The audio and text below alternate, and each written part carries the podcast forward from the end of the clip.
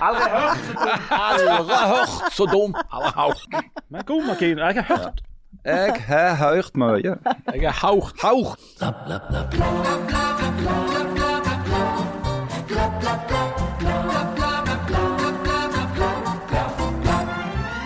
Oppildnet av en galen president storma altså en svær bande Capitol-bygningen sist uke. Var det et kupp? Var det terrorisme eller et forsøk på en revolusjon, kanskje? I dag skal vi snakke om konspirasjoner, revolusjoner og kokosmakroner. Eller, Vi skal egentlig ikke snakke om kokosmakroner, men det er ikke så fint. Uansett.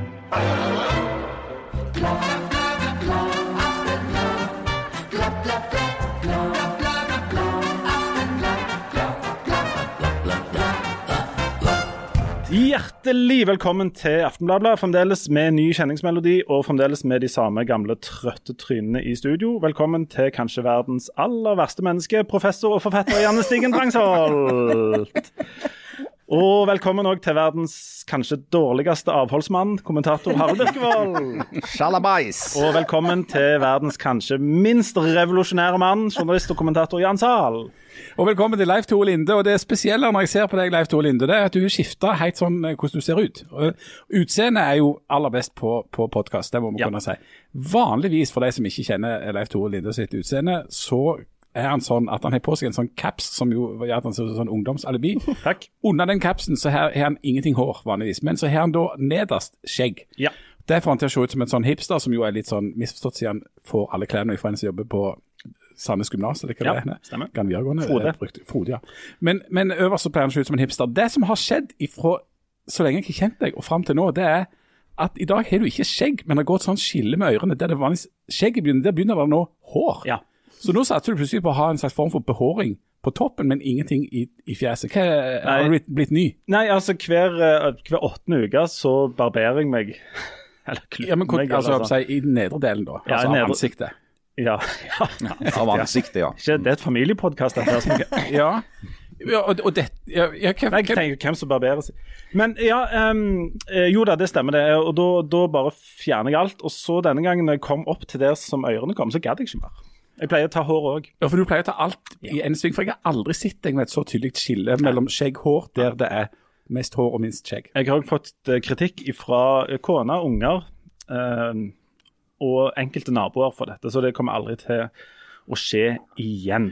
En annen viktig ting som må tas opp før vi eventuelt går over på noe som er litt sånn mindre viktig og fjasete, Ja. dette du sa med kokosmakroner. Ja. Um, da er det sånn at um, jeg har jo lagd kokosmakroner i år. Jeg, og jeg vil si jeg var veldig uheldig med de.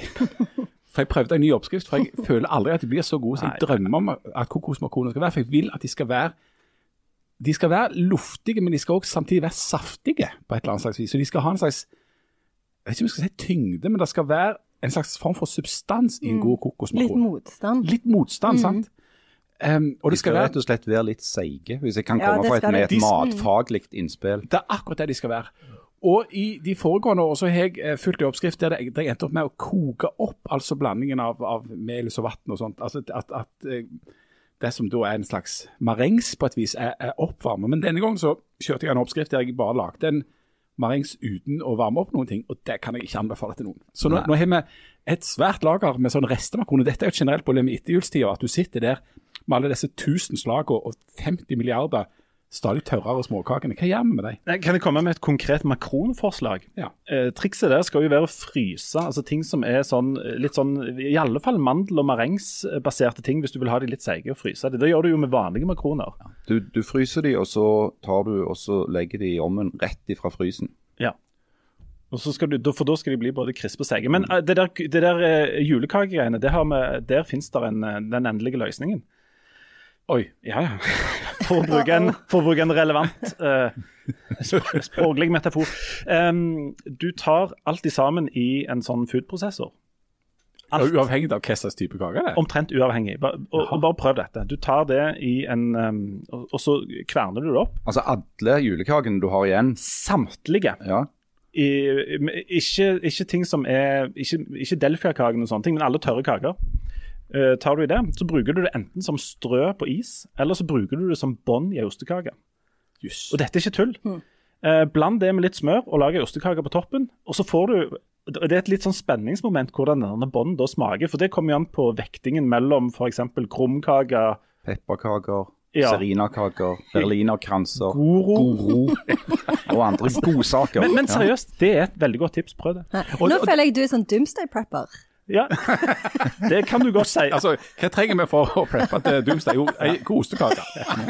Ja, men i, I min familie så ble det problemet løst på en annen måte, alltid. eh, Og til dels gjør det det fortsatt. Det er at eh, når det ble påskeferie, så dukte de kakene opp igjen på fjellet. For da var vi så sultne at vi spiste hva som helst. Til og med far min sine risboller eh, fra jul. Som da hadde begynt å harskne litt, litt grann, litt. Sant? Men det det var bare å børste av det der mugget, så var det like gode, ifølge han da. Du kan skjære av den ytterste grønne hinna. Du kan ta av den der, det det, akkurat det som Og ligger og bobler ytterst. Og, så Ja. Og da er det bare- selve det hvite, altså de risnætene, de er da såpass seige at du får jobb der i kjev- kjevemuskulaturen. Ikke sant? Ja. Neste uke skal vi ta for oss hvordan du gjør med rester av Delfia-kake og andre, litt, eh, andre typer julekaker. Slanta. Um, ja. Men du, før vi, før vi går over til å snakke om Vi må jo snakke litt om dette totale kaoset i USA som vi har da hatt ei uke å tenke på. Men um, vi var litt inne på sånn nyttårsforsetter og sånt sist gang. Uh, Janne, du antyda sist at du kanskje er verdens dårligste menneske, um, og kanskje bør bli bedre i år. Er det noe nytt der? Hvordan syns du denne uka har gått? Har du blitt et bedre menneske? Nei, det har jeg ikke. Um, men uh, jeg kom kommer på det sånn innimellom, og da gjør jeg så godt jeg kan. Eh, men eh, Gjør du noe konkret, eller bare går du rundt og tenker 'nå gjør jeg så godt jeg kan'? jeg prøver å være veldig blid, eh, og veldig sånn positive eh, til, mot eh, Eller sånn. Men eh, nei Men alle jeg, vet jo at det er klovnens smil. Ja, jeg vet At det. inni Det er deg så nettopp det. griner du. Det er nettopp det. Eh, eh, og, og, og, og det Jeg vet jo at det inni meg så er det svart som kål. Det er det, ja. Så, ja. så det det, det er Jeg tror ikke jeg kommer, jeg kommer meg ikke ut av det. Ok. På dommens Er dag så, så blir jeg dømt og veid for lett, eller Er hva det derfor du har kledd deg svart som kål i dag? Du har Ja, jo vært så fargesterk og sånn julete i Ja, noen uker nå. det stemmer. Ja. Det stemmer. Det er, ikke John, det er ikke sånn som Johnny Cash, som skulle slutte å kle seg i svart når det ble fred i verden og alle ble glade. Det er mer for å gjenspeile Det som er bensinen. min svarte skjerm. Og, og denne, eh, Jan, du òg er i svarte. Du har lovt at du skulle, i år skulle du begynne å drikke mer. Hvordan har det gått? Ja, jeg gjør så godt jeg kan. Eh, Det går eh, litt under middels godt, vil jeg si. Men, Ja, har eh, du drukket hva- noe i det hele tatt? ja, ja. Kort oppsummering. Hva har du drukket den siste uka? Ehm, den siste uka, ja. Da har jeg drukket uh, ett glass med gin tonic. Et glass. Så, og, det, og da ble jeg så glad for at da klarte jeg å tømme ei, ei sånn ginflaske i det altfor store barskapet mitt der det står masse sprit vi aldri drikker. Hvis du har et problem der med at det er for mye sprit i skapet, så Vi kommer til deg, Harald. Vi kommer til Ja. deg. Så jeg har hatt ett et glass med, med gin tonic, den var veldig god. Um, der jeg måtte tømme ut den halvparten av det som jeg hadde skjenkt til hun kona mi, for hun klarte jo ikke å drikke opp det glasset med vin, nei, med gin tonic. Så har vi eh, åpna ei flaske med hvitvin fordi at jeg trengte noe i maten. uh, og der har vi klart å ta knekken på godt og vel halve nå. Og så har vi òg åpna ei flaske rødvin som vi jobber med. Jeg merker at når jeg hører på Jan, så blir jeg et enda dårligere menneske. Det er veldig Jeg fint. blir veldig sur. på Du Janne sliter ikke med sånne flasker der det står skvetter i heimen. for å si det sånn. Men uh, Harald, du, du skulle jo prøve deg på en hvit måned. kan du oppsummere den fram Ja, det gikk ikke så bra. Vi, hadde et familieråd uh, hvor vi fant ut at uh, Intervention heter dette. Ja, ja intervention. Hvor vi fant ut at hvis vi, hvis vi klarer å holde oss noenlunde edru på hverdager så Hva definerer dere som hverdager? Ja, ja, det, det det, Du, Mandag, tirsdag ikke tirsdag, for da er du ute på sånn quiz. Det, det har vi vært med på, så vi vet jo at det ikke teller. Ok, Mandag. Ja, mandag, Mandag da. Er det sånn to pluss fem-system? mandag formiddag. Men det er ikke sånn to pluss fem-system? To hvite dager, og så fem Nei, altså, jeg vet, jeg vet ikke helt, men altså, jeg, har jo, jeg har jo for så vidt fortsatt et forsett da, om Men det handler egentlig mest om at jeg har et eller et forsett om å prøve å, å ta av noen kilo. Eh, og i den forbindelse så har jeg hørt at eh, det kan hjelpe å redusere alkoholinntaket en smule. Og jeg skal ikke la noen steiner være uvendt i, i jakten på disse, disse kiloene. Så, så en mandag formiddag i ny og ne kan jeg jo spandere i, i dette eksperimentet sin tjeneste, da, hadde jeg tenkt. Men, men Lindøy, hadde du noen forsett?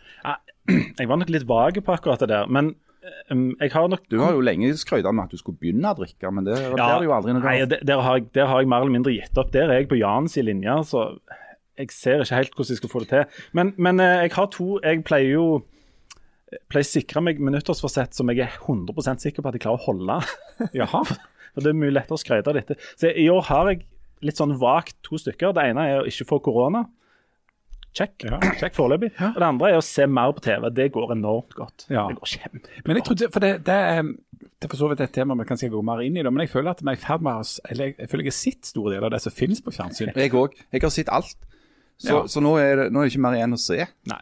Jeg òg har runda fjernsynet nå. og um, vurderer å gå på sånn bruktbu og kjøpe gamle DVD-er og sånt for å ha mer å se på. Men, men, men jeg syns det går uh, godt. Men Harald, jeg, du røpte litt. Vi har jo sånne interne chatgrupper her i, i denne podkasten der du litt sånn vagt fortalte om uh, noen av dine bedrifter når du har vært litt sånn ute på galeien. Og vært litt påseilte. Så jeg tenkte våre lyttere kan ha godt å høre før vi går over i det alvorlige stoffet. Kan ikke du, kan ikke du ta dine topp tre opplevelser som litt påseilte opp gjennom tida? For det tror jeg kan være greit at folk vet om. Nå skal vi huske på at dette er et familieprogram.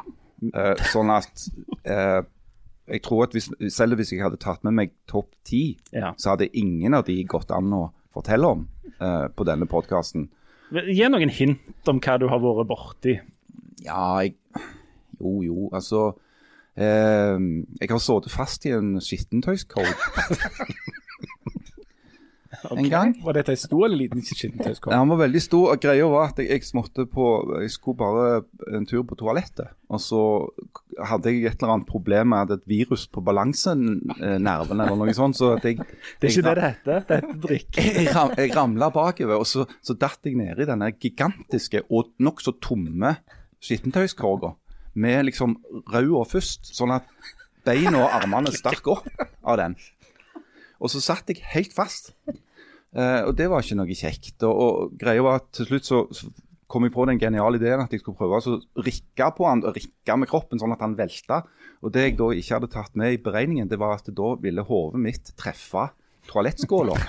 Eller det vil si tinningen min ville treffe toalettskåla. Sånn at der er det en periode etterpå hvor jeg ikke husker noe.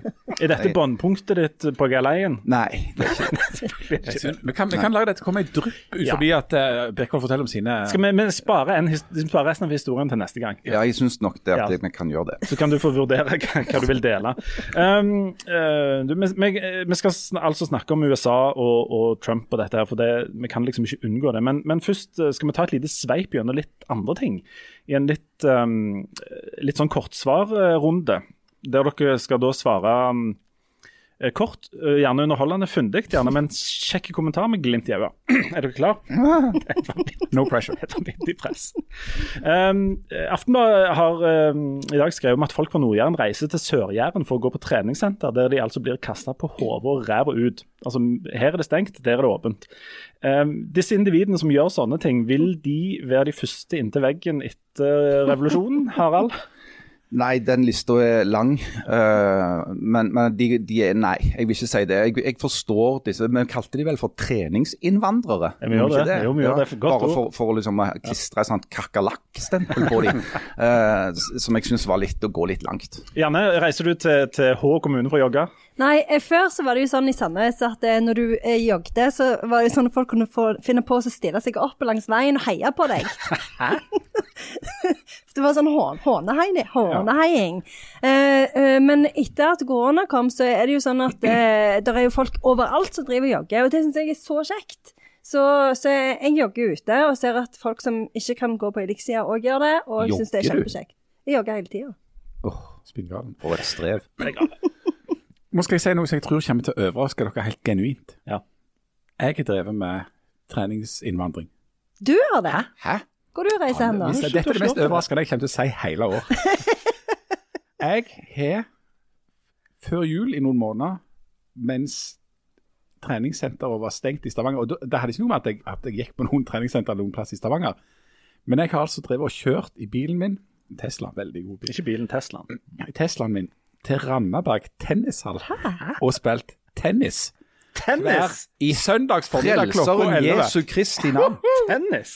Og der, Har du fått der, er det alltid, der er det alltid veldig god plass, men akkurat en periode der så ble det veldig dårlig plass. For da drev folk fra Stavanger som drev på med tennis i Stavanger, og bestilte seg inn på Randaberg, for der var det åpent. Ser du det? Nå er det stengt. Er Hvorfor spiller du tennis? Det er en lang historie som jeg ikke skal kjede dere med. Okay. Dette er Jan fra Bryne. Klarinettkorpsspiller Klarinett, korpsspiller og tennisspiller, og et mirakel at han overlevde. I'm full of Ja. Neste eh, spørsmål. Stavanger-kameraten skal altså være med i Melodi Grand Prix med sangen 'Barndomsgater'. Er, Endelig! er, ja. er Stavanger-kameratene vår nye mods, og er det en hedersbetegnelse? Uh, nei.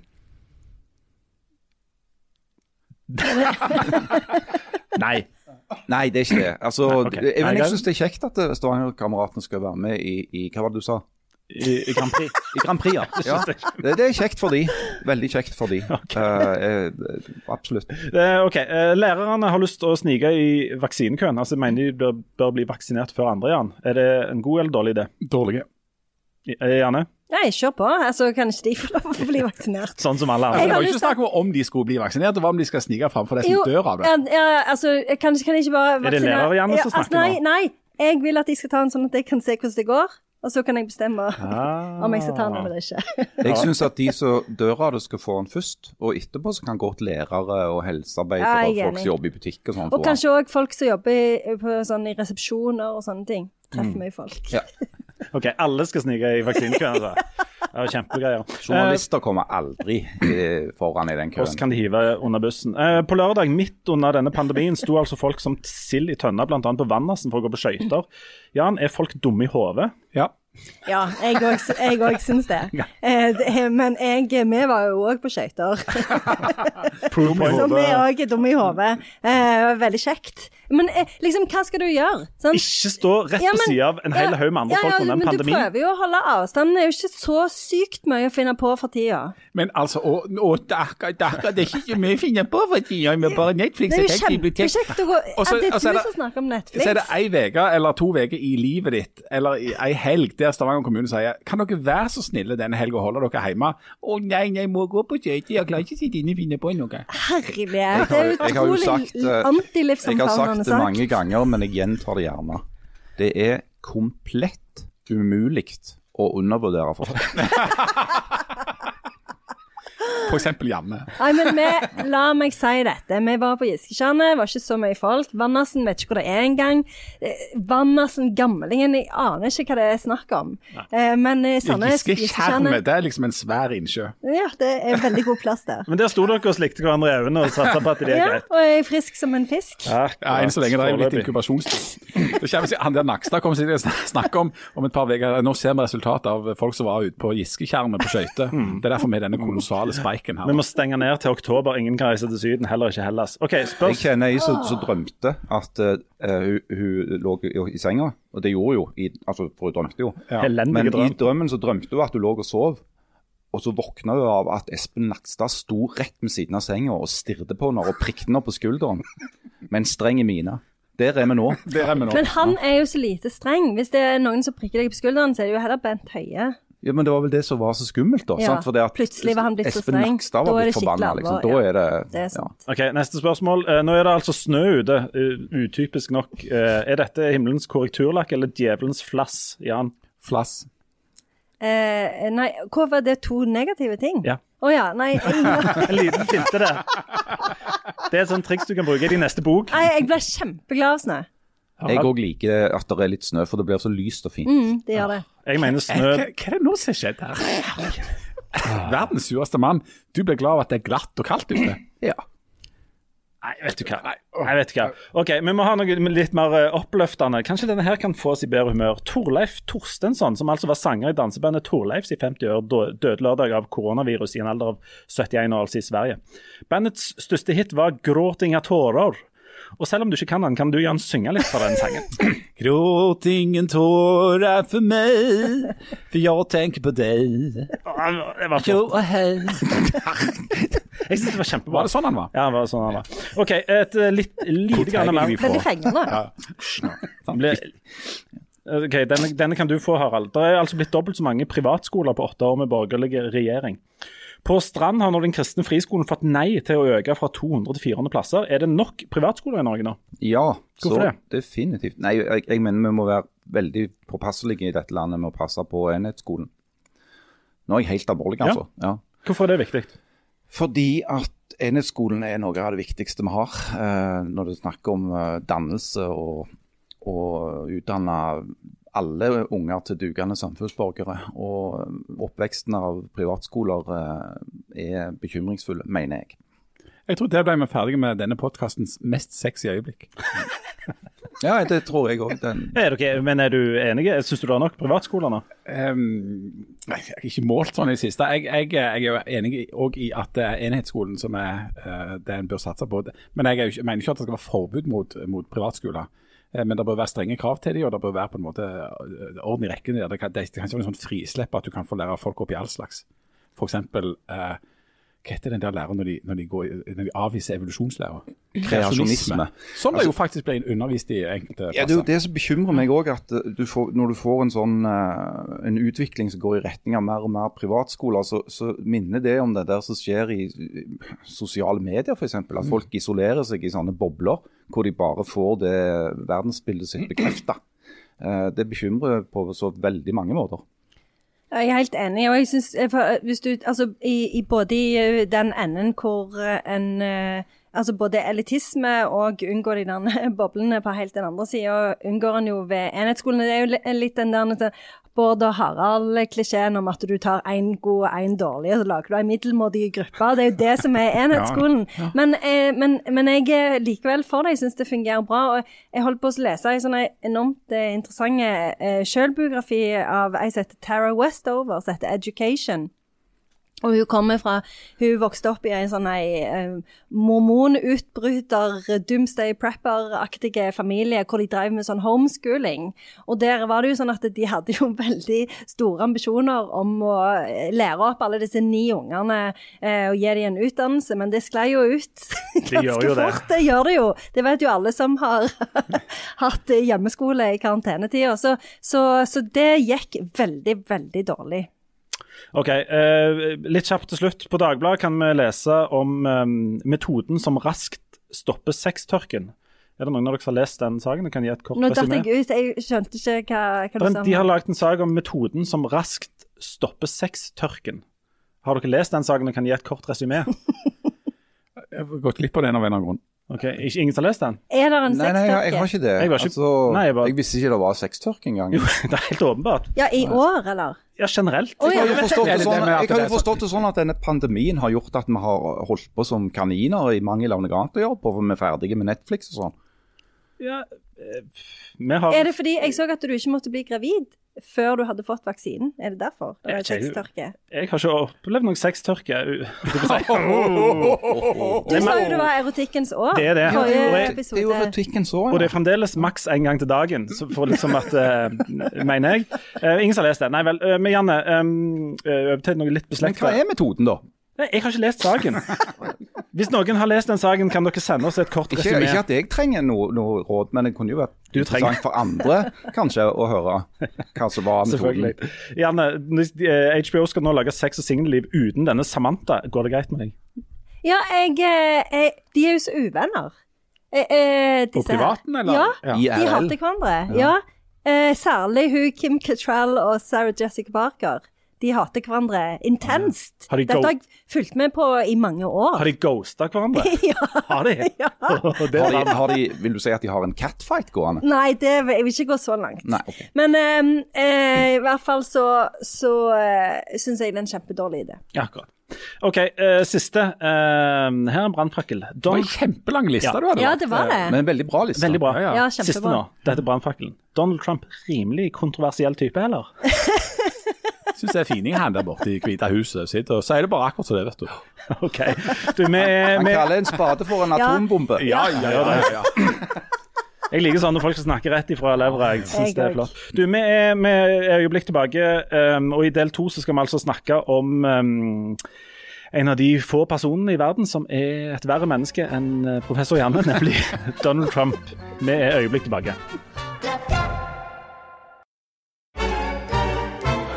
Sånn.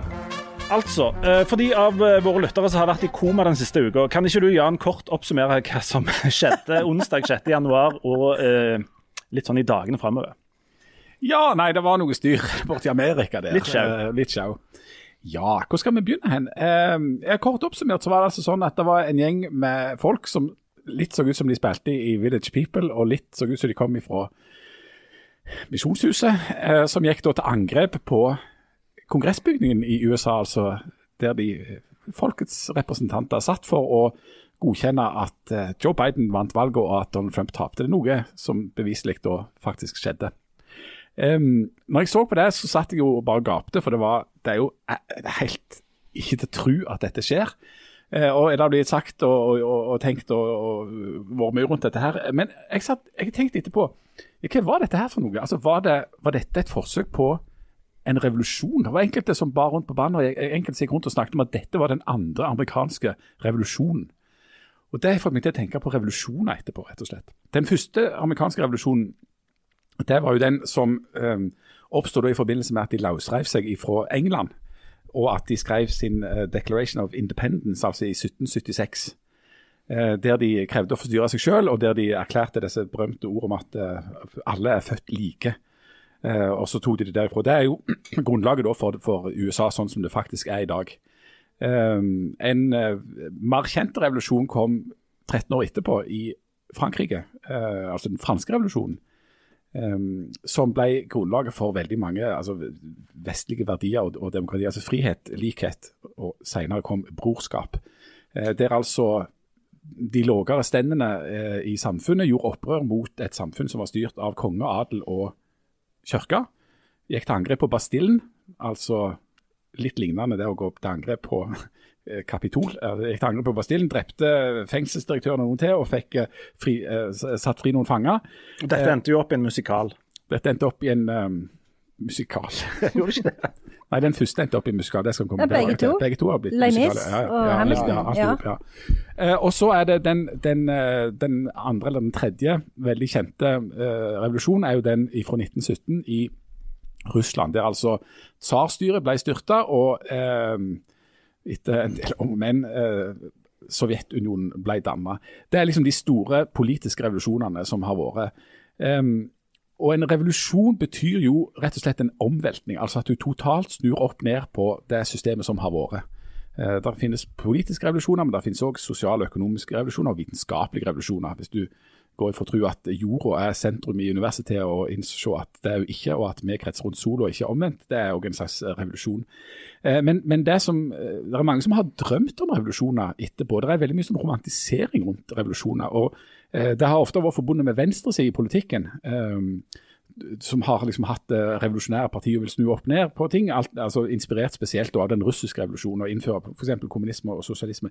Det interessante med det som foregår borti USA nå, det er jo altså at det er en revolusjon, eller et forsøk på en revolusjon, hvis de nå skal væpne seg og gå til angrep på, på, på regjeringsbygninger rundt omkring i hele USA, som kommer fra høyresida. Altså det er, det er høyresida som, som nå påstår at de eh, skal revolusjonere samfunnet, at de skal ødelegge og bryte ned det som er det bestående, og så skal de erstatte det med det som de selv omtaler, akkurat som de argumenterer på venstre, med ekte folkestyre og forsvar av demokratiet. Eh, retorikken høres til, til forveksling lik ut. Um, og det er tydeligvis en hel del av disse folka som tror og mener oppriktig at de forsvarer de ekte amerikanske verdiene. De forsvarer folk, og de forsvarer folkets vilje og, og, og, og demokrati og, det som er rett. Sånn at det, eh, Noe av det fascinerende fra utsida er jo å se på utsida sånne revolusjoner som fortoner seg helt klin kokos på en måte. Men de som er inni det, føler at dette er helt rett. Eh, av og til i ettertid så, så, så framstår jo revolusjonene som gloriøse og bra og sånt. Andre ganger gjør det det ikke. Altså Det er en veldig sånn rar eh, materie, hele det revolusjonsbegrepet. Men er det, er det, Var dette et forsøk på en slags amerikansk revolusjon, Harald? Eller var det bare sjau fra noen bråkmakere, dette? Jeg tror Jan har rett i at det er et spørsmål om perspektiv. Altså, Jeg tror nok at en del av de som har lagt seg galdra opp av eh, årevis med propaganda, eh, og som er overbevist om at eh, de bor i et land hvor det politiske systemet er korrupt, føler seg uh, moralsk rettferdige eh, når de stormer eh, Jeg tror ikke det gjelder alle, men jeg tror at det er en kjerne der av folk som, som faktisk tror at det politiske systemet er så eh, skakkjørt og korrupt at det er legitimt å gjøre opprør.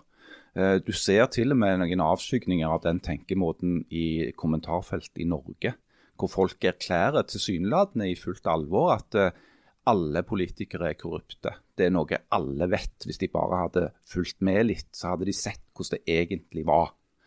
Eh, sånn at den tankegangen er jo nokså sentrale i å forstå hvordan folk kan adoptere en sånn der eh, altoverskyggende og altomfattende teori om hvordan alt henger sammen.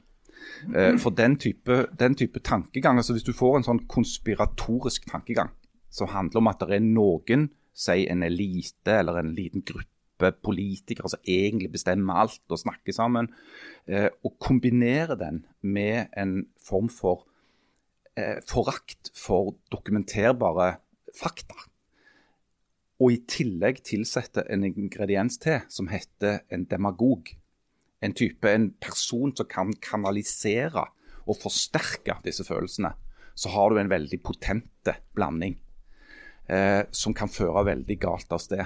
Er det ikke litt spesielt i denne revolusjonen at presidenten på en måte står med den største fanen og ildrer folket til å det er ganske spesielt. kaste et system ja. der han styrer? Ja, ja, det, det, det, er jo så surrealistisk at du skulle trodd at alle så det. Jeg ville jo trodd at alle så hvor klin kokos dette er, eh, og hvor merkelig det er.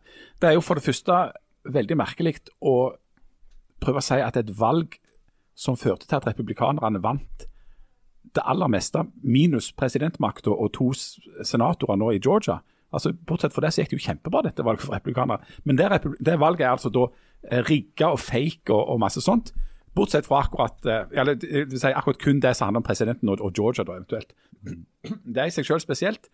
Eh, og så er det spesielt å, å liksom behandle Donald Trump som om han var en mann av folket. Det er jo han som styrer, det er jo han som er eliten. Det er jo han som representerer det politiske systemet og makta. Eh, det viser, og det har han gjort hele tida. Ja. Men hvordan klarer du å, å, stå og se på det og si at ja, nei, nå må vi få gjort noe med de der som bestemmer? Det er jo han som bestemmer, jo. Men det viser jo demagogen sin, uh, sitt potensial, da. Uh, når du har en person som Trump, eller en, en hvilken som helst annen demagog, uh, vil da klare å oppnå pga. den kombinasjonen av at folk har hissa seg opp til det de mener selv er en rettferdig harme, Eh, og så har du denne fakta, eh, altså desimeringen av he hele faktabegrepet, og en sånn person. Så får du altså en situasjon hvor det kan pøsregne.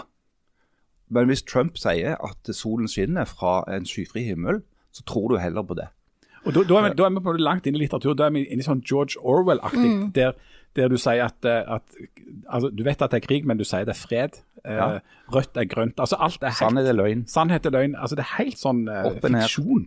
Mm, og, ja, og i George Orwell så er det jo en sånn en, en scene blant annet hvor han, Winston, han hovedpersonen, han, han, han, har liksom bevis for at de som på en måte eh, Det er jo to sånne fiender av staten som, som de snakker om hele tida, og han vet at de har vært et sted hvor han har liksom bilde av dem. Men, men, men styresmaktene sier noe annet, og da og da blir det jo veldig sånn, altså da blir det både sant og ikke sant på samme tid. Og det er den, det er den skorpa du må leve, hvor liksom ting er både sant og usant på samme tid, og alt blir liksom relativt. Litt sånn I bunnen av dette så ligger det ganske mange mm, løgne konspirasjonsteorier. Og En av fordelene med å kunne lene seg på en sånn konspirasjonsteori, er jo at alt kan forklares inn i det bildet som du vil at det skal forklares i. ikke sant? Mm. Det er kjempepraktisk. Her, Hvis du bare lager en svær konspirasjonsteori om at alt henger sammen alt, at det er noen som sitter og trekker noen tråder og sånt, så, så går alt opp. Det har jeg òg tenkt på det, nå i, i, i, denne runden her. Nå kan jo de konspirasjonsteoretikerne til en viss grad si at de er i ferd med å få rett. Fordi nå er altså eh, staten, eller djupstaten, eller demokratene, eller de som, disse litt ulne makthaverne, de er i gang nå med å prøve å avsette Donald Trump gjennom mm. eh, enten eh, riksrettssak, eller de prøvde jo med dette 25. grunnlovstillegget. Altså, de skal fjerne han ifra makta. Eh, det er jo en del av konspirasjonen. Det, kombiner det med at, eh, at disse store teknologiselskaper nå da utestenger Trump ifra disse sosiale mediene. Det viser seg jo at eh, de liberale elitene både i eh, næringslivet og politikk rotter seg sammen om å ikke slippe disse folka til. Det er jo derfor jeg har, har hevda bl.a. at det vel, var en dårlig idé å stenge totalt ned. Eh, Twitter f.eks. kunne gjerne ha vært mer eh, politi i forhold til Trump sine farlige ytringer. Eh, men å stenge han helt ned, det gjør, det gjør han òg. Eh, og det ser vi jo nå. En voldsom lynavleder. For det, hvis det er noe som har vist seg gjennom hele Trumps karriere, ikke bare, som, ikke bare som president, men òg som forretningsmann, det er at en av hans hovedstrategier det er å gjøre noe ekstremt kontroversielt, og så få kritikk for det, men så klare å dreie samtalen over på noe annet veldig fort. Det er han helt ekstremt flink til. Mm. Uh, og nå har både Trump og hans tilhengere og hele den si, konservative pressen og, og mediemegner og sånn, fått en annen ting å snakke om, altså sensur. Sånn at selv, selv altså, en, en, uke etter, ikke bare ikke en uke engang etter, at uh, de har rett og slett har storma Capitol, så har han fått alle på en måte i gåseøyne til å snakke om noe annet, mm. nemlig sensur. Mm. Og Det er ekstremt uh, problematisk. Uh, og Det som jeg synes er viktig å si om sånne konspirasjonsteorier, det er at uh, de, mange har en feilaktig oppfatning av at hvis du bare får liksom, bevist at det ikke stemte det har jeg en, en, og For å sammenligne for med sånne dommedagssekter, sånn, som tror at den 3. april, da kommer dommedag og så kommer 3. april og 4. april, og det var ikke noen dommedag, så klarer de å få det til allikevel. At ah, nei, det viser seg at det var en liten feil at den beregningen, og det er altså 17. oktober. Og så tror folk videre på det. Eh, og Sånn fungerer det òg når du først har falt ned i det der kaninhullet. Så kommer du deg på en måte ikke opp igjen. Noe av det mest fantastiske etter dette, det er da Trump og andre som nå påstår at de klarer jo ikke på en måte snakke seg vekk ifra at Kapitol ble angrepet, men det var egentlig et Antifa, altså mm. den ekstreme venstresida som gikk til angrep. Selv om disse folka som det er bilder av i aviser som beviselig er disse høyreradikale, at det er de som sto bak. Ja, Det er fortsatt en gjeng som tror på ja. de greiene der. Ja, og det dukket jo opp på Twitter mens dette foregikk, mm. med han der med hornfyren. Mm. Eh, eh, han dukket jo opp i bilder fra en sånn en Black Lives Matter-demonstrasjon. Og det ble jo tatt som et bevis på at det var Antifa som sto bak dette. Mm. Og det var jo sånn fem minutter inni selve stormingen. Mm. Så det er jo helt utrolig altså, hvor fort det går òg. Ja, ja, det er helt vilt. Altså, men akkurat nå, rett før vi gikk i studio, så leste jeg en eh, lang og grundig gjennomgang i Washington Post av hva som skjedde i de seks-åtte timene fra Trump holdt den der talen, hvor han liksom ba folk om å gå ned til Capitol og kjempe, som han sa. Og fram til han eh, leste inn den der talen som de hadde skrevet for han midt på natten. Og det som viser seg at det, Inne i kongressbygningen så satt der altså livredde folkevalgte fra republikanerne. Eh, altså Som rett og slett frykta for livene sine.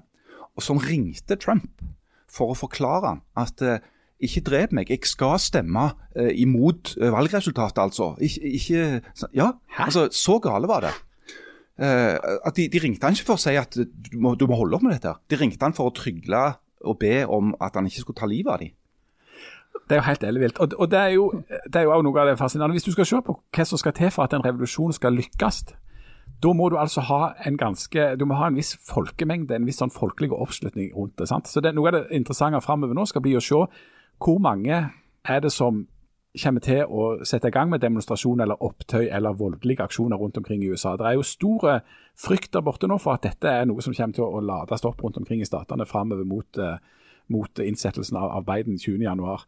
Um, det er vel altså, Jeg har alltid tenkt på den der gjengen som, som, uh, som står for de mest ekstreme konspirasjonsteoriene, til å være en, en marginal gjeng, altså veldig få folk. Um, liksom, Hvor representative var de 8000-10 000 som, som, møtte opp i, i Washington DC? Du, øh, så du trenger, du trenger, folk, du trenger folkelig motstand, folkelig oppslutning. Eh, hvor mange av de 74 millioner som stemte på Trump, mener fremdeles at det valget ble stjålet? Der er tallet skremmende høye. Det er 70-80% av det republikanerne tror at det valget var rigga og at det var juks. Det er òg et veldig skummelt utgangspunkt. Men så trenger du i tillegg på en måte agenter eh, på toppnivå. Du trenger noen spillere som, som klarer å spille dette og, og, og klarer å, og ta det videre. Da. Der har jo Trump prøvd. Noe av det virkelig skremmende det er jo at etter dette angrepet så var det fremdeles altså sju senatorer som stemte i den samme bygningen som akkurat var okkupert, som mente at dette, som stemte imot det offisielle valgresultatet, som er altså faktabelagt, og 127 eller 121 representanter i, Kongressen. Altså tilsvarende at 128 eller 27 stortingsrepresentanter skulle, valg, skulle stemt imot valget de akkurat hadde blitt valgt inn i. Da har du folk på et ganske høyt politisk nivå i USA, i styring av USA, som stemmer for å avvikle i praksis demokratiet i USA. Det er et skremmende eh, perspektiv med tanke på revolusjon og demokratiets posisjon der framover. Men det, det, som jeg tror kan høre med her, det er at det som kan gjøre konspirasjonsteorier skikkelig farlige, det er at de har en kjerne av sannhet i seg. Uh, et uh, veldig aktuelt historisk eksempel er jo den der såkalte dolkestøtslegenden som ble satt i omløp av fascistene, nazistene, som skulle gjelde altså den urettferdigheten som hadde oppstått i uh, forbindelse med freden etter første verdenskrig. Uh, det er ikke tvil om at de Du må forklare hva den dolkestøtslegenden altså, ja, altså, den, den, gikk på at, at, at det tyske folket hadde blitt forrådt av sine egne ledere, som hadde godtatt disse fredsbetingelsene i Versailles. Eh, og at det derfor var legitimt å gjøre opprør mot eh, de betingelsene som hadde blitt satt, bl.a. når det gjaldt størrelsen på den tyske armeen og sånne ting. Og Det er ikke tvil om at fredsslutningen i Versailles førte jo til enorme lidelser for den tyske befolkningen. Sånn, sånn, at det var jo en sannhet. Folk kunne jo bare se rundt seg og se at de, de hadde ikke mat på bordet. Eh, og den nasjonale stoltheten var jo sterkt eh, vingeskutt og, og, folk følte på en blanding av skam og raseri. Og en blanding av skam og raseri er enormt potent. Det ser du òg eh, når det gjelder disse, altså denne kjernen av supportere som Trump har. Det er folk som, som, føler på en blanding av skam og raseri over at de har blitt marginalisert og tilsidesatt og arbeidsledige og latterliggjort. Og raseri over at det er, og det er jo et faktum, en politisk elite, en økonomisk elite som bestemmer mye. Det amerikanske demokratiet er langt fra perfekt. Det er mulig å bestil, altså betale seg til politisk innflytelse. Det er mulig å, å kalle det da bestikke politikere til å stemme for veldig snevre kapitalinteresser osv. Så så sånn at det, det er en legitim eh, aggresjon i bånn som blir, da blir kombinert med disse her ville teoriene. Og så ender det opp i sånne eh, nesten sånne uvirkelige scener som vi så eh, i Washington i forrige uke. Men, men Janne, eh, altså, det må jo mer mer. Eh, altså, dette er jo noe som det har blitt mye litteratur ut av òg. Altså revolusjonen som idé og eh, som fenomen. da. Og musikaler. Ja, eh, musikaler ikke minst. Hamilton og Le Miserable er jo Eh, det er to av verdens beste musikaler. Ja, de det er, er helt uironisk. Ja, ja, de er det. Og, og sånn som Hamilton, for eksempel. Eh, den, eh, den, den, viser jo det der noe av det som Jan snakker om, det der eh, kaoset, og liksom eh, hvor vanskelig det er å, å vite liksom hva Ja, men hva, hva Altså for dette, det, De viser jo hvor enormt vanskelig det er liksom, å, få, å forstå hva som skjer der og da. Eh, og det samme er jo Les Mis. Eh, men, men jeg, jeg, tenkte på Uh, uh, før i dag så tenkte jeg på den uh, Persepolis, som jo er en grafisk roman som handler om en familie et, som etter at det ble revolusjon i Iran, f.eks. Uh, hvor du jo har avsette sjahen, og så får du islamsk styre. og, og en annen revolusjon som jeg tenkte på som ikke ble en revolusjon, det er jo påskeopprøret i eh, Irland i 1916, som jo er veldig interessant, for det er jo rett før eh, den russiske revolusjonen i 1917, og samtidig som en har eh, eh, første verdenskrig som pågår eh, på kontinentet. Eh, og da har du jo et dikt av Yates som heter Easter 1916, hvor han skriver et sånn et Altså det er et sånn episk dikt hvor han liksom gjentar frasen A terrible beauty is born. Eh, og du har liksom 20 000 menn som dør daglig i Frankrike. Eh, mens, eh, mens, Yates, det eneste han tenker på, er disse herne 12 eh, eller 16 som blir liksom dømt døden av britene i, i, Irland. Så det viser jo altså det viser liksom hvor, hvor enormt sånn lokalt det òg kan være med, med revolusjonen, dette her behovet for liksom omveltning. Eh, som jo òg er noe som vi ser i USA nå, med disse her 8000-10 000. Eh, så, så, revolusjonen er jo utrolig sånn komplisert og lokalt og universelt eh, på samme tid. Det er ekstremt komplisert å manøvrere i revolusjonen. Sant? Altså, Hva skal du gjøre, hva er de rette eh, valgene å gjøre? Og Det viser seg at de valgene og, og håndteringen av revolusjonen er ekstremt kompliserte. Um, det, liksom, uh, Munnhellet 'revolusjon spiser sine barn' det mm. kommer ikke ut av ingenting. Det viser seg at de aller fleste revolusjoner, på tross av sin fagre retorikk og sine fagre ønsker om å skape sett, skape et bedre samfunn og et bedre liv, eh, for det første pleier ende opp i voldsomme konflikter der de etter hvert begynner å ta livet av hverandre. Altså i, eh, i eh, i Frankrike etter 1789 så gikk jo disse løs på hverandre og halshogde altså titusenvis av motstandere. For det, det viste seg at aksepten for at alle skulle få kunne si sin mening, den var ikke så veldig utbredt. I, i Russland så ble det jo et mirakels og borgerkrig og masse styr. Uh, sånn går det både her og der. Og så ender det opp med at de regimene som, som, du sitter igjen med, de er ikke alltid nødvendigvis så veldig flotte bu. Jeg har de siste årene vært i to land som, der det har vært revolusjon. Iran, som var en islamsk revolusjon i 1979. Eh, og på Cuba, som var en sosialistisk revolusjon fra 56 til 58. Ingen av de landene er blitt noe paradis på jord. De har blitt eh, diktatur Eh, der er det ikke frihet og likhet og brorskap og, og, og god stemning eh, som ender opp i det. Sånn at, uh, og, og, det er veldig mange eksempler på det. Altså I Kina har òg vært. Det er heller ikke et diktatur jeg har lyst til å leve i. sånn at resultatet av veldig mange av revolusjonene, kanskje de fleste. Det finnes òg eksempel på det motsatte. Sant? Altså Nellik-revolusjonen i Portugal i 1974 var en fredelig overgang der det var ingen blodsutgytelse, og der en, en klarte å, å, skifte til et uh, velfungerende demokrati. Um, det har jo vært altså, håp rundt den arabiske våren. Det har jo skjedd ting i Øst-Europa der det har gått bra med noen, ikke så bra med andre. Og I Hviterussland ja, i Hviterussland, sant? Ja, er det jo en revolusjon på gang, ja, på sett og vis. Ja. Sånn at, sånn at det, det, er et, det, er et, komplisert bilde, og det er eh, sannelig ikke gitt uh, at det er så lett å, å, håndtere, eller at du ender opp en plass uh, som du heller vil være. Ja, så er det jo litt det der med at det, sånn så hvis du tenker på på eh, den amerikanske uavhengighetskrigen og revolusjonen i Frankrike, så var jo begge de to basert på strømninger i tida som jo nettopp gikk på dette her med eh, ønsker om demokrati og ytringsfrihet, og, og at eh, de vanlige folka skulle få bedre kår og mer styring over sine egne liv.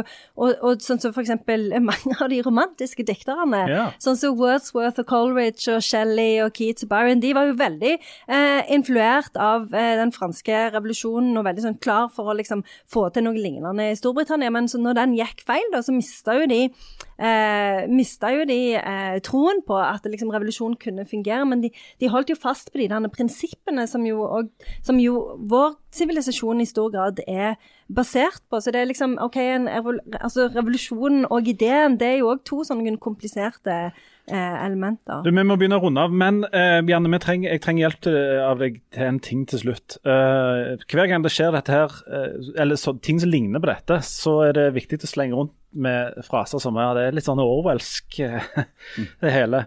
Jeg aner ikke hva det betyr. Jeg, jeg har jo ikke sett den serien engang. Um, men hva, hva altså, Jeg regner med at folk har hørt det. Hva, hva, hva betyr det?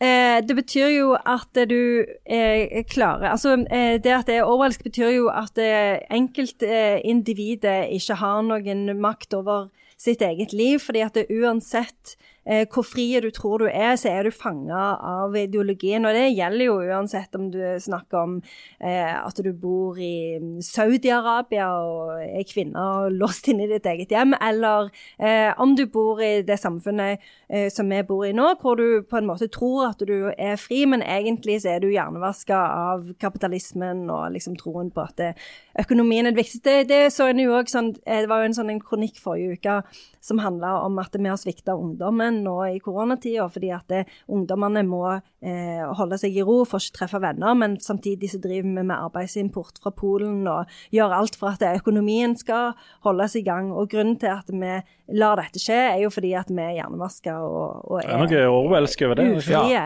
men, og det Orwellske som hun snakker om da, har vel utgangspunkt da i romanen 1984. Ja. Sant? Og det er der du òg har begrepet 'storebror ser deg'.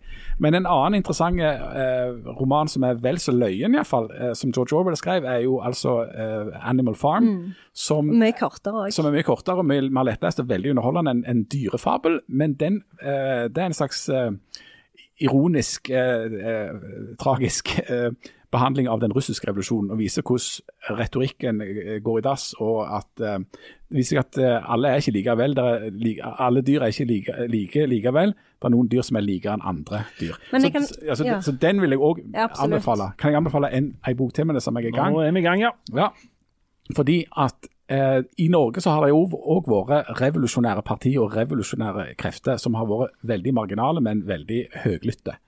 Um, jeg, ja, jeg synes det er jo en, en um, Ja, det er interessant. Uh, verdens beste land. Hva trenger vi her? Jo, her trenger vi revolusjon. Det har det blitt noen gode bøker av. Og jeg vil virkelig anbefale Dag Solstad sin gymnaslærer Pedersen. Uh, og denne store politiske vekkelse som har rammet vårt land. Som altså handler nettopp om en person som da lever i verdens fredeligste land, eh, og, og havner i en bevegelse som da tenker at nei, dette må vi, her trengs det væpna revolusjon.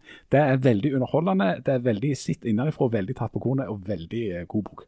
OK, anbefaling, Janne. Det, det jeg skulle si er det som er verdens kjedeligste bok om revolusjon, som er Gabriel Garcia Marquez sin bok 'I generalens labyrinter', som handler om eh, Jeg kan hete Simon Bolivar, som var jo sånn frihetskjemper i eh, Sør-Amerika, og var ansvarlig for å frigjøre en god del land fra kolonimaktene. Den er veldig, veldig veldig kjedelig. Han er veldig kort, så han virker kanskje som et godt alternativ, men den er, eh, er ikke så kort som du skulle tro. Så det, det er ikke en anbefaling, men på en måte en advarsel. Ja, det er det. Anders Harald. Jeg vil bare si uh, at uh, noe som er viktig å tenke på, tror jeg, når du skal uh, forstå og analysere revolusjoner, det er at historien den leves forlengst, men forstås baklengs. Ja, det var fint sagt. på fint. Ja, det var fint sagt. Eh, og f.eks. når det gjelder den boka til Dag Solstad som Jan nevnte, som, som på en måte er en sånn selv, halv selvbiografisk eh, bekjennelsesroman om Solstad sin tid som overbevist eh, kommunist,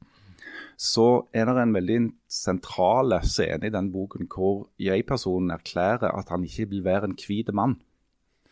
Eh, og det, det hørtes rart ut lenge. I don't want to be called Loretta. ja. Men hvis du ser på den store diskusjonen nå, så dreier den seg jo akkurat om det. Altså problemene med å være en hvit mann. Eh, en god del av den galskapen som utfolder seg i USA akkurat nå, handler om det dilemmaet som Solstad pekte på i den boka, som nå nesten framstår som litt sånn profetiske. Sånn at hvis du skal forstå ting, så må du ofte ha de litt på avstand. Så, og den boka bør da leses baklengs, var det det du mente? Ja, gjerne Ja. begynne bakerst, Uh, og så kommer du fram til den fantastiske scenen der de sykler over havet.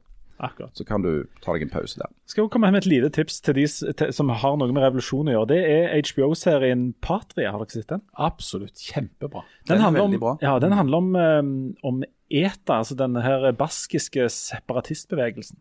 Um, og det er et drama rundt den som er uh, veldig, veldig, veldig stilig serie. Veldig velspilt og trist. Og litt snedig fortalt. Kjempekult. Så den bør dere absolutt se når dere skal tilbake igjen til kohortene. For vi er jo enn så lenge innelåst i våre egne kohorter. Du, eh, helt sånn avslutningsvis. Eh, hvis vi fire hadde endt opp i en kohort Vi er jo en kohort. Er en ikke Ja, men, ja, men Si at vi ble en sånn ordentlig, ordentlig koronakohort. Der vi ble låst inne i, i et slags En sånn Big Brother-eksperiment. Ja. Så har jeg tenkt på hvem, altså hvordan ville den rollefordelingen blitt? Hva slags Hvem hadde blitt stemt ut først? Ja, nei, Det er helt åpenbart at du Harald, hadde røket først, fordi vi tre andre hadde rotta seg sammen med deg. Men vi måtte jo inntatt Alle måtte jo funnet sin plass i et sånt et system. Og jeg lurer litt på hvem som hadde liksom tatt ansvar, hvem hadde sluntra unna, hvem hadde blitt surest først, eller etter deg, Harald.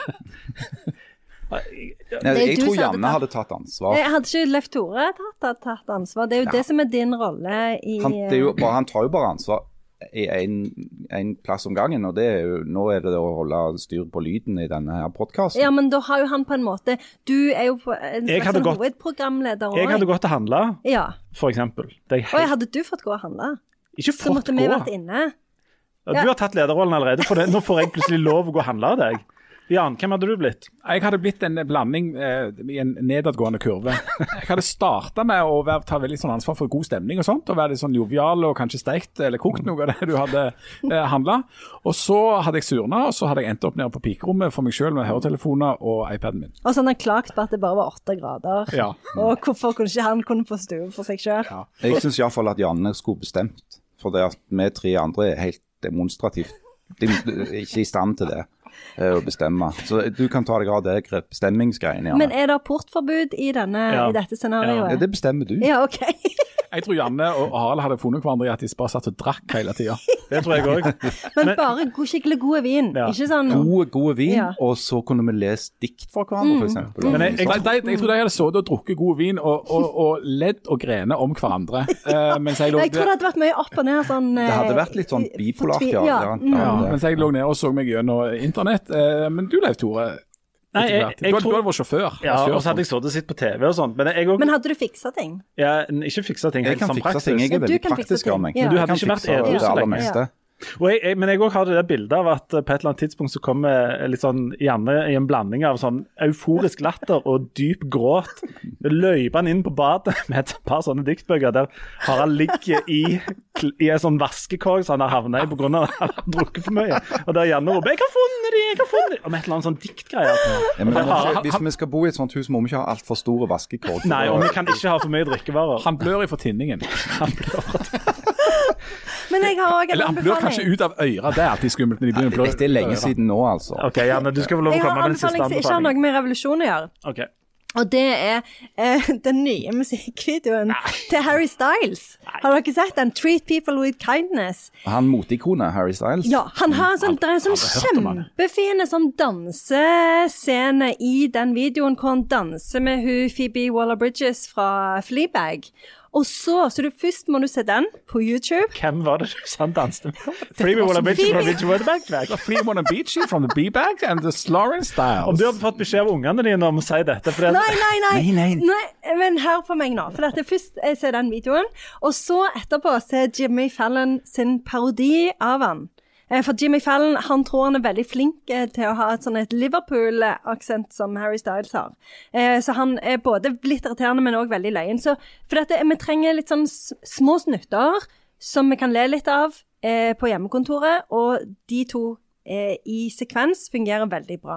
Akkurat. Så det jeg, så, jeg tror ikke dere, noen av dere kommer til å, å ta den anbefalingen. Jeg hadde òg tenkt å anbefale noe i dag, men jeg vet ikke om vi har tid. Jo, det må gå veldig kjapt. Veldig kjapt. Ja, for, det, for de som føler, som meg, at de har runda Netflix og HBO og Amazon Prime og alt det der, så kan jeg anbefale en kanal på internett som heter YouTube. Oh, ja. Og inni den kanalen, eller det programmet eller hva det er for noe, der har de der har de altså forskjellige videoer du kan se på. Og hvis du går inn der, og så søker du opp Samson Boat Company, og så kan du se en fyr som heter et eller annet, jeg husker ikke. Eh, han bygger en båt, og det er liksom fra scratch, da. Sant? Og er, tror jeg, til nå er det lagt ut 89 episoder, og de er hver på rundt en time. Sånn at det blir jo 890 timer med båtbygging. Det kan sterkt anbefale. Jeg har sett alle. Eh, noe skal du gjøre. Jeg er, jeg er veldig spent på hva slags algoritmer som sendte deg dit. Altså, hva var det du søkte på for Om å du komme så dit? de der Eh, det videoene var med noe de som med lager verktøy. sånn Jeg lette etter noe ja. verktøy, eh, og så kom jeg inn på det. her. Men det er altså fullstendig hypnotiserende. Langsom-TV og, og bygging av båt. Men eh, vi anbefalte jo egentlig det samme. Eh, for dette min ting var jo òg på YouTube. På det internett-greiene. ja, egentlig anbefalte begge to internettet. Ja. Jeg tror Det er mye løye på internett, for å si det sånn. Stikker meg litt i armen med en gaffel, en litt sløv gaffel. Jeg. Ja. uh, nei, det er all slags. Du, er folk får ha lykke til uh, i sine kohorter. Uh, og så snakkes vi tett i tett på neste på skøytebanen på, på lørdag, selvfølgelig. Der vi, vi gjerne kommer til å stå og slikke folk i øynene og si det går godt, det går godt, det går godt. Så er vi tilbake om en uke. Eh, lykke til til alle. Ha det godt. Hei, hei.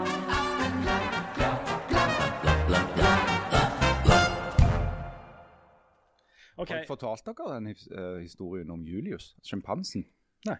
Jo, uh, min, eldste, min eldste sønn, som, som nå er jo et voksent menneske og bor en annen plass, han var, når han var liten, så var han fanatisk opptatt av to ting. Det var sjimpansen Julius, og så var det denne Asgeir og Vaske i det der eh, barne-TV. Å ja. Ja. Sånn at han hadde to eh, mål i livet. Det var ene var å se Asker og Vaske live i Bø sommerland, og det andre var å se Julius in person, da. Så vi hadde tatt oss på taket og så dratt ned til Dyreparken i Kristiansand for å se på denne her berømte sjimpansen. Og så kommer vi ned der, og så fikk vi beskjed om for det første Julius han er inne nå, og han må være for seg sjøl fordi han hadde vært stygg med de andre eh, sjimpansene.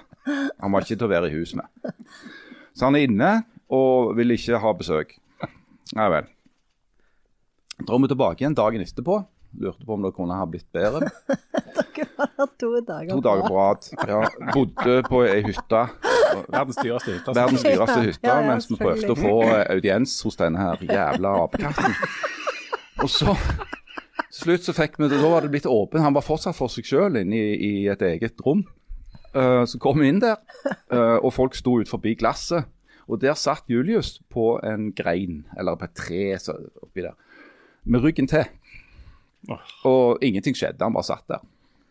Sturte. Sto vi der og sto der, og han ville så gjerne se Julius. Til slutt så snudde Julius seg. og Hva er det han gjør? Sånn. Han holdt på med lille Julius. Han holdt på med lille Julius. Noe så voldsomt òg. Så det, det var det.